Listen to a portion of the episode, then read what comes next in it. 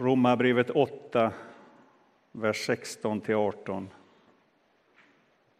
Anden själv vittnar tillsammans med vår ande om att vi är Guds barn.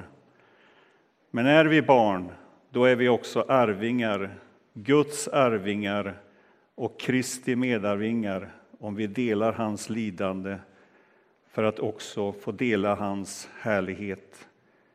Jag menar att våra lidanden i denna tid ingenting betyder mot den härlighet som ska uppenbaras och bli vår.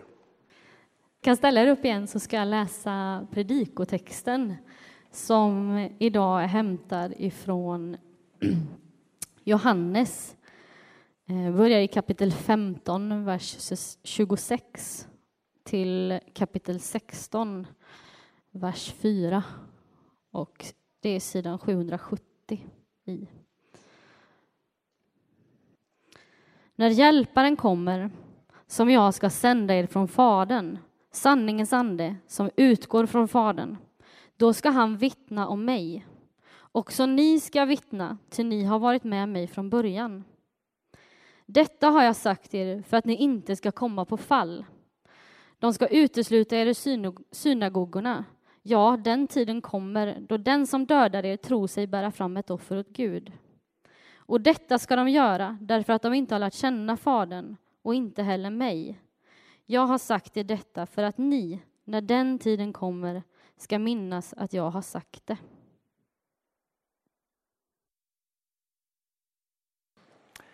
Be gärna med mig. Tack gode Gud för att du vill hjälpa oss. Hjälp oss nu att se hur du vill hjälpa oss och vad du vill hjälpa oss in i. Amen. God morgon. Vi ska eh,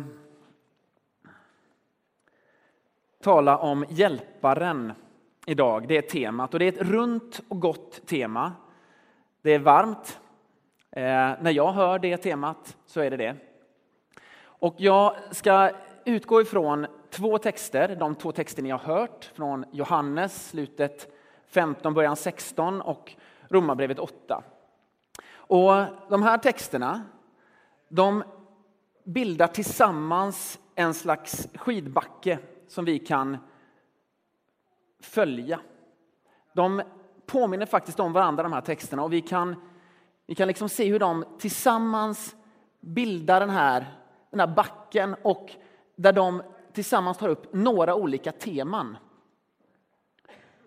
Att anden vittnar, det är det första som händer. Sedan så hamnar lärjungarna, och kanske vi, i en viss situation.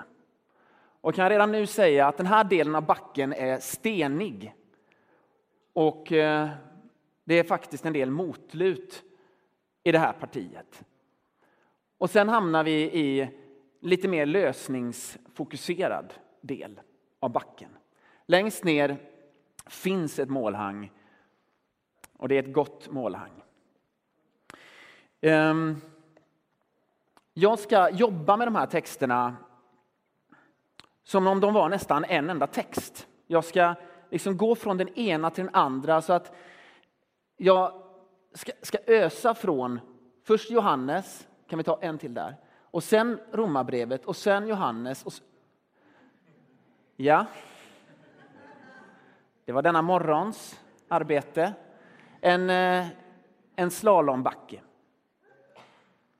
Jag säger detta för att det kommer att gå undan ibland och jag hoppar mellan de här texterna, men bara så att ni vet att det här är tanken och det här är strukturen. Och sen kan ni gå tillbaka och lyssna i efterhand och försöka bena ut hur, hur tog han sig ner här? Men det här är tanken. liksom. Gott.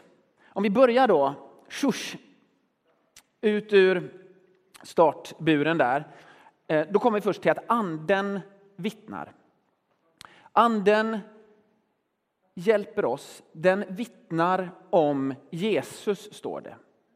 Den ska komma från Jesus och Fadern och den ska vittna om Jesus. Vad innebär det? Att anden ska vittna om Jesus. Vad är ett vittnesbörd? Vad är ett vittnesmål? Ja, men det första vi tänker på det är att det är någonting som återges trovärdigt. Att vi får reda på vad var det som hände? Vad var fakta i målet? Och Det är en del av vittnesbörd och vittnesmål. Att få reda på vad som hände. Men det kan inte vara hela vittnesbördet som anden här har att ge. Därför att det är lärjungarna som ska få vittnesbördet. Och dessa objektiva fakta om Jesus, dessa fakta om Jesus liv, det hade de redan fått. De var ju där. liksom. Nu hade de inte sett, ännu så länge så hade de inte, i det här läget så hade de inte sett hans död och hans uppståndelse, men det skulle de göra. Alltså de visste om Jesus. De hade kunskap om Jesus, så det kan inte vara det som anden ska hjälpa dem med i första hand, utan någonting annat. Jag läser det som att anden ska vittna om Jesus och hjälpa dem att tillryggalägga de här långa 35-40 centimeterna från det vi vet till det vi känner av och det vi förstår. Ni vet, när det ska ta sig från att vi vet någonting objektivt till att vi känner av något subjektivt, att det blir en levd erfarenhet. Att ja, men det här kan jag tro på, detta är mitt liv. Det läser jag in att anden ska hjälpa lärjungarna med, för det behövde de. Ni som har läst Nya Testamentet, ni vet ju att lärjungarna fattar inte sådär jättemycket ibland. De behövde förstå subjektivt. Alltså, det här påminner lite om, ni vet när man ska lära sig cykla eller man ska lära någon annan att cykla så kan man säga, ja men du ska göra så här och så här och så här. Och så kan personen i fråga säga, ja okej, okay, nu vet jag det och så försöker den och så går det inte och så går det inte och så går det inte. Och så plötsligt så händer det. Plötsligt så har det rört sig härifrån vad som ska göras och så sitter det i kroppen. Ja, jag kan cykla! Och vi vet inte hur det har gått till. Det är en liksom mystisk förändring. Vi har övat oss, vi vet inte hur vi ska skapa detta och plötsligt så händer det. Plötsligt sitter det i kroppen. Jag tror anden ska göra detta för lärjungarna. Det ska sätta sig i kroppen. Den resan från huvudet ner till hjärtan och ut i hela kroppen. Det är så de ska förstå Jesus. De ska inte bara veta om, de ska inte bara förstå, de ska bli delaktiga i med hela sig. Liksom. Så tänker jag att man kan läsa detta. Och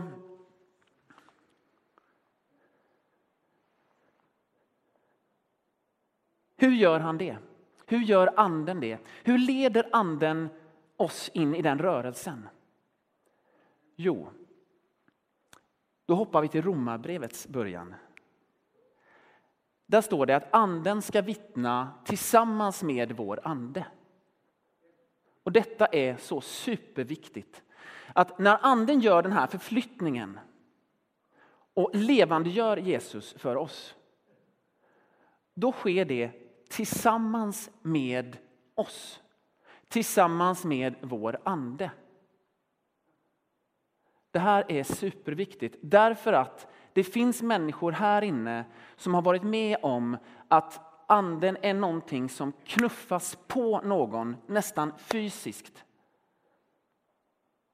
Och det är också så att man själv ibland vill så mycket att man försöker pressa fram det som anden ska göra. Och då är det viktigt att anden gör detta tillsammans med vår ande. Var är din ande? Det kan vara bra att veta. Om nu anden ska jobba med vår ande, var är vår ande? Anden skulle kunna vara din tillknytningspunkt till Gud. Din kontaktyta med Gud, ditt gränssnitt med Gud, där du möter Gud. Var möter du Gud? Hur ser den kontaktytan ut? Hmm. Var möter du Gud? Var i dig? Liksom. Det, det är antagligen där anden finns. Ja, ingen som vågar räcka upp handen? Hjärtat, ja precis. Eh, men det är bra, det, det, skulle kunna vara ett svar. Det sitter i hjärtat. Rätt svar, säger vi då. Men det jag är ute efter, det är att Gud möter dig där du är. Där du är nu, faktiskt. Ja, det spelar ingen roll om du är frustrerad just nu, om du är irriterad, om du har tankarna på annat håll. Gud möter dig där du är nu. Det är faktiskt alltid så. Gud möter dig inte där du var igår. Han möter dig inte där du kommer att vara. Han möter dig där du är nu. Och som Elin Alm sa förra söndagen, han är alltid närvarande. Vi är däremot inte alltid närvarande. Därför att vi bedömer vår egen andliga status och förkastar oss själva ganska mycket. Så tror jag det är. Jag tror att vi tittar på oss själva och så säger vi nej, men nu är jag inte andlig. Nu känner jag så här. Det är bäst att trycka undan det, för det vill nog Gud inte ha. Och det vill inte jag ha heller. Och då, då blir det faktiskt svårt för Gud att vittna tillsammans med vår ande, för han kommer inte åt oss. För vi står inte för dem vi är. Vi är inte här där vi är.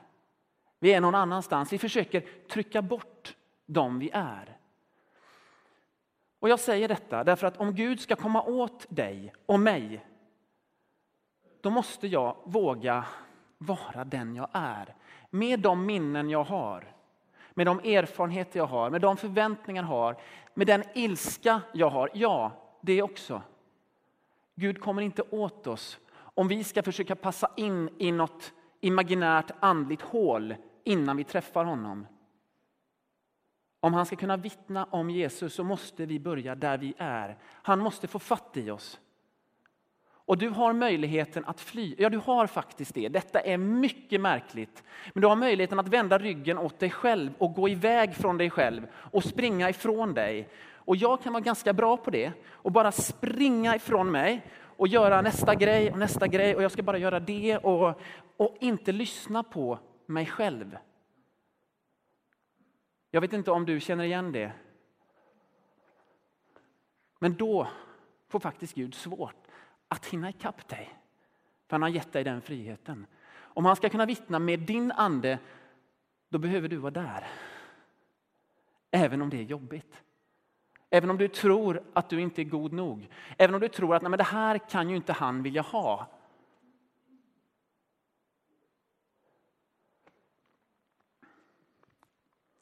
Anden vill börja med dig. Anden är pedagogen. Är det någon här inne som är pedagog? Vad, vad, är man när man är pedagog? Vad gör man då? Ja, då går man ju till den som man ska lära någonting och så tar man den i handen. Här börjar man. Precis där den man ska undervisa är. Det gör anden. Och då kan ju inte Ingmar, när jag gör det, ska inte Ingmar vända sig bort och säga nej, eh, eh, imorgon då, då funkar det inte. Så pedagogisk är anden, han vill möta oss där vi är.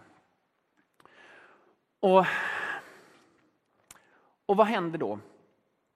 När anden vittnar med vår ande, jo, då får vi reda på att vi är Guds barn. Och det låter ju väldigt fint, att vara Guds barn. Guds barn, det är nästan lika gulligt som hjälparen. Att krypa upp i pappas knä. Vem vill inte göra det? Jo, men det ingår i barnaskapet. Men det som den här texten handlar om, det är inte så gulligt. Därför att Guds barn, det är ju att bli del av en familj. Och en familj, i en familj så är man ett samhälle i miniatyr. I, ett, I en familj, då lever man ut vad som är rätt och fel. Man lever ut normer och värderingar det kanske du inte har tänkt på, men så är det. Och det märks väldigt tydligt när man försöker foga samman sin egen familjs värderingar med någon annans. Alltså när man gifter sig, om man gör det. Om man gör det, då kan man märka att det att vara del av en familj, det är nästan på dödligt allvar i vissa fall. Nu kan det här gå väldigt smidigt också. Men, men jag tror alla är med om att man upptäcker att oj, kan man fira helger på det sättet? Kan man tänka så kring barnuppfostran? Kan man tänka så kring eh, konflikter? Alltså, det kan bli väldigt tydligt att man har med sig värderingar som man inte trodde att man hade, därför att man var del av en familj. En familj är ett sätt att leva. Och när du blir en del av Guds familj, då blir du en del av Guds sätt att leva. Vad är Guds sätt att leva? Ja, det har vi ju Jesus. Det är därför anden ska vittna om Jesus, för då ser vi hur Gud lever när han är här på jorden. Och man kan sammanfatta det med att man behöver älska Gud med hela sitt hjärta och hela sitt själ och hela sin kraft och hela sitt förstånd. Och så ska man älska sin nästa som sig själv. Där har vi liksom, om, om du vill ha en kortis. Men, men poängen är att när man blir del av den familjen, då är det klart att det kan bli krockar med det omgivande samhället. Väldigt allvarliga krockar. Sådana krockar så att Jesus beskriver det som att ni kommer att bli utkörda ur synagogan. Vad är synagogan för något? Synagogan det är Guds familj, som de kände till den. Det är Guds folk som samlas och firar helger, har sin vardag ihop, undervisar om vem Gud är, har konflikter, löser konflikter. Det var den enda religiösa gemenskap lärjungarna visste om. Det var till synagogan de hade gått med Jesus. Varje sabbat så hade de gått till synagogan, antagligen. Det var den enda religiösa sammanslutning och gemenskap de kände till och de skulle bli utkörda därifrån. Det säger Jesus. En sån krock blir det när ni får hjälp av anden. Då blir ni utkörda av synagogan. Ja, värre ändå. Den som dödar er ska tycka att han eller hon gör något bra. Gör Guds vilja. Så skarpt är det att vara Guds barn. Märkligt. Och det är märkligt att det är hjälparen som ska göra detta. Alltså notera, det börjar med att hjälparen ska vittna om Jesus. Visst, så att vi får veta om Jesus. Sen ska han ge oss förståelse för Jesus. Subjektiv förståelse. Sen ska våra liv, ungefär som när man lär sig cykla, vi ska liksom fatta det med våra kroppar. Ja, det är det här som är att vara Jesu lärjunge. Och så ska vi bli Guds barn så att vi lever ut hans liv. Älskar Gud av hela vårt hjärta och så vidare och älskar vår nästa som vår själv. Detta gör anden, den hjälper oss in i detta. Och sen ska vi köras ut ur synagogan och kanske dödas. Alltså, rörelsen går härifrån ner hit till hjärtat, ut i kroppen och så upp på korset. Den rörelsen hjälper anden oss med. Jag hårdrar det lite nu, bara för att vi ska se att den här hjälparen, alltså, det är skarpt läge.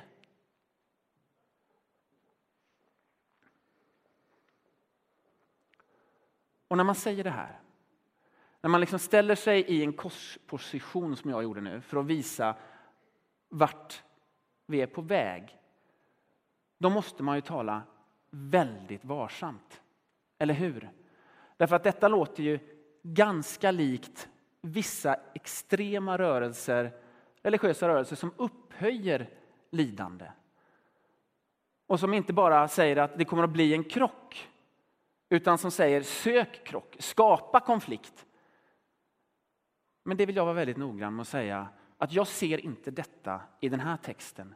Jag ser inte att det är det här som händer. Jag ser inte att Jesus upphöjer lidandet eller säger att vi ska söka krocken. Därför att den som anden ska vittna om är ju Jesus och Jesus söker själv undvika lidandet faktiskt. Han säger ta det här ifrån mig om det går. Men han underordnar sig och så går han in i det och så blir han tillfångatagen och så blir han förhörd och så blir han korsfäst. Alltså, det är den Jesus som anden vittnar om. Och anden själv, som jag nämnde, anden, den som tar vid handen. Det är den personen. Det är inte övergreppets ande. Det är anden som hjälper, som tar vid handen, som möter dig där du är. Så, så varför talar Jesus så här hårt? Varför blir det så här allvarligt?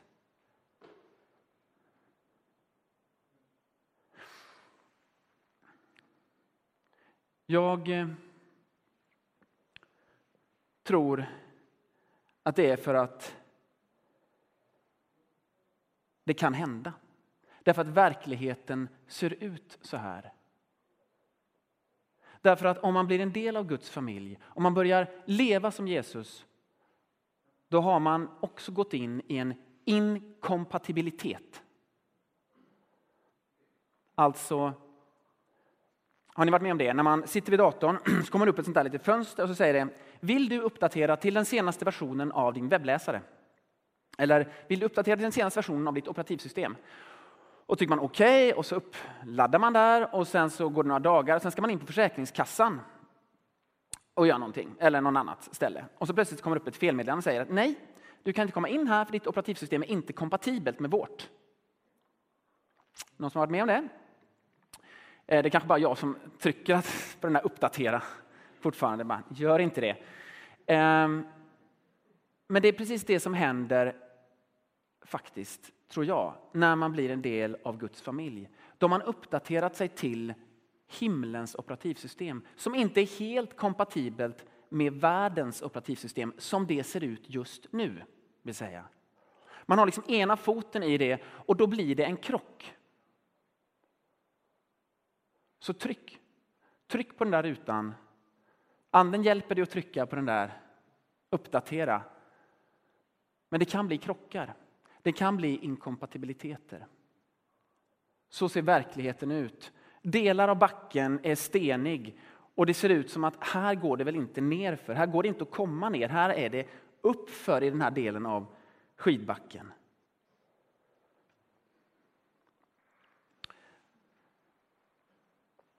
Jag tror att Jesus här sätter ord på hur livet ser ut som kristen. Och han säger själv att detta är, dessa ord ger jag er för att ni inte ska komma på fall. Finns det en risk att man kommer på fall om man inte har hört de här orden? Jag tror det. Jag möter alldeles för många som har lämnat Gud och kyrkan och tron på grund av att det dök upp lidande. För att man får inte ihop det. Jag råkar ut för lidande, min anhörig råkar ut för lidande. Jag såg lidandet på tv. Så kan det inte vara. Så kan det inte vara tänkt. Och så lämnar man tron. Och jag tror det är lite grann det Jesus är ute efter. Alltså, om vi inte vet om det här så finns risken att vi lever någon annan kristendom. Och min bild är att det finns någon slags folktro där ute. Som liksom har smugglat sig in i kristendomen. Där det sägs att om du bara tror och om du bara ber, då kommer du inte att råka ut för något ont. Någon som har hört den versionen av kristendom? Jag måste säga att jag förstår faktiskt inte den. För jag ser inte det i Bibeln. Jag ser inte det i den som anden vittnar om, Jesus, som själv dör på ett kors. Jag ser inte den versionen av kristen tro. Missförstå mig inte. Jag förstår att lidandet är vidrigt, obegripligt, oacceptabelt. Jag är helt med på den. Jag säger inte att det är lätt att förstå lidandet. Eller att det är liksom meningsfullt på något högre sätt. Men var sägs det att man som kristen ska slippa det? Alltså jag tror att Jesus har en poäng. Jag valde inte den här texten själv och jag hade inte valt den. Men jag är glad över att vi talar om detta. Vi måste tala om detta. För om det är så att vi tror att nej, säg ja till Jesus och så kommer det bara att bli bra. Så är det ju inte. Du blir ju inkompatibel med världen. Och den inkompatibiliteten, ja, den ser väldigt olika ut. Du sitter säkert här inne som vet om en missionär eller som själv är missionär i ett land där man inte ens får säga att man är kristen. För då riskerar man att dödas. Alltså vi har ju den inkompatibiliteten. Och så har vi hela spektret bort till det som verkar som en slags medelsvensson besvär, men som faktiskt är på riktigt. Alltså, ens barn får inte göra det de vill på söndagen. De får inte bonda med sina bästa kompisar. De märker hur kompisarna pratar om vad de ska göra på söndag förmiddag. Men nej, du måste följa med till kyrkan och lära känna hur livet med Jesus är och bli Guds barn. Eller ja, det kan man inte tvinga någon att bli, förlåt. Eh, men, men, men det är liksom grundtanken att man tar med sina barn till kyrkan för att de ska lära känna vad ett kristet liv är. Och det kan ju vara en sorg i det. Att fatta det beslutet.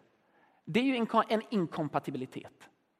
Och den ska vi inte se ner på. Vi ska inte liksom börja rangordna lidandet här. Bara konstatera att beroende på var man finns så ser den väldigt olika ut. Så ser det lidandet olika ut. Och det är klart att det är skillnad att finnas i ett land där kristendomen är förbjuden och finnas i ett land som varit kristet i flera hundra år. Där många av värderingarna i landet faktiskt stämmer med kristen tro. Det är klart att det blir en annan typ av krock, en annan typ av lidande. Men det finns där. Och om vi glömmer bort det, då tappar vi liksom av. Tappar vi bort det som Paulus säger i Romarbrevet. Men om ni ska ärva Gud, ja då kommer ni också ärva Kristus och dela hans lidande och dela hans härlighet. Och sen kommer liksom målhanget. Lidandet i denna tid, menar Paulus, det betyder ingenting mot en härlighet som ska uppenbaras och bli vår. Och här har vi någonting som möjligtvis skulle kunna vara lite grund för den här folktron som har letat sig in i kristen tro. Därför här står det ju att den härligheten skall bli vår. Om vi läser i dagens gammaltestamentliga text, Sakarja, vi behöver inte slå upp den, för det börjar bli kort om tid, men där står det liksom att det ska inte vara någon kyla, det ska inte vara någon frost, det ska inte vara något mörker. Där målas det ju ut vart vi är på väg. Målhanget målas ut. Ja, vi är på väg dit, men vi är inte där ännu. Inte riktigt hundra, som Ingmar sa. Vi är inte riktigt där ännu. Vi är ett folk på väg, men vi får inte tro att vi är där redan. Och samtidigt, när Anden hjälper oss och vittnar så får vi liksom förvissning om att ja, vi är nästan där. Varför då? Därför att anden vittnar om Jesus och Jesus har dött och vad då? Uppstått. Och i det uppståndelselivet, där ser vi vart vi är på väg. Vi ska dela den härligheten och aldrig dö. Och där finns inget lidande, ingen köld, ingen frost, inget mörker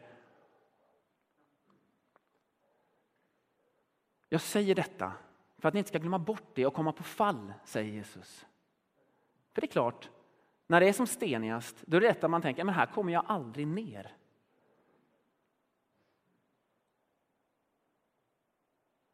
Och då finns det faktiskt i den kristna packningen så finns det någon som har knuffat ner en kexchoklad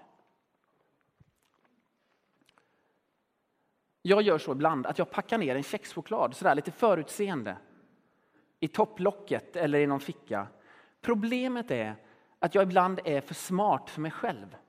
Så att jag glömmer bort att jag har den. Och så går jag det går och värker i magen och jag liksom, nej, varför packar jag inte ner någonting? Jag har liksom glömt bort att jag packade ner den.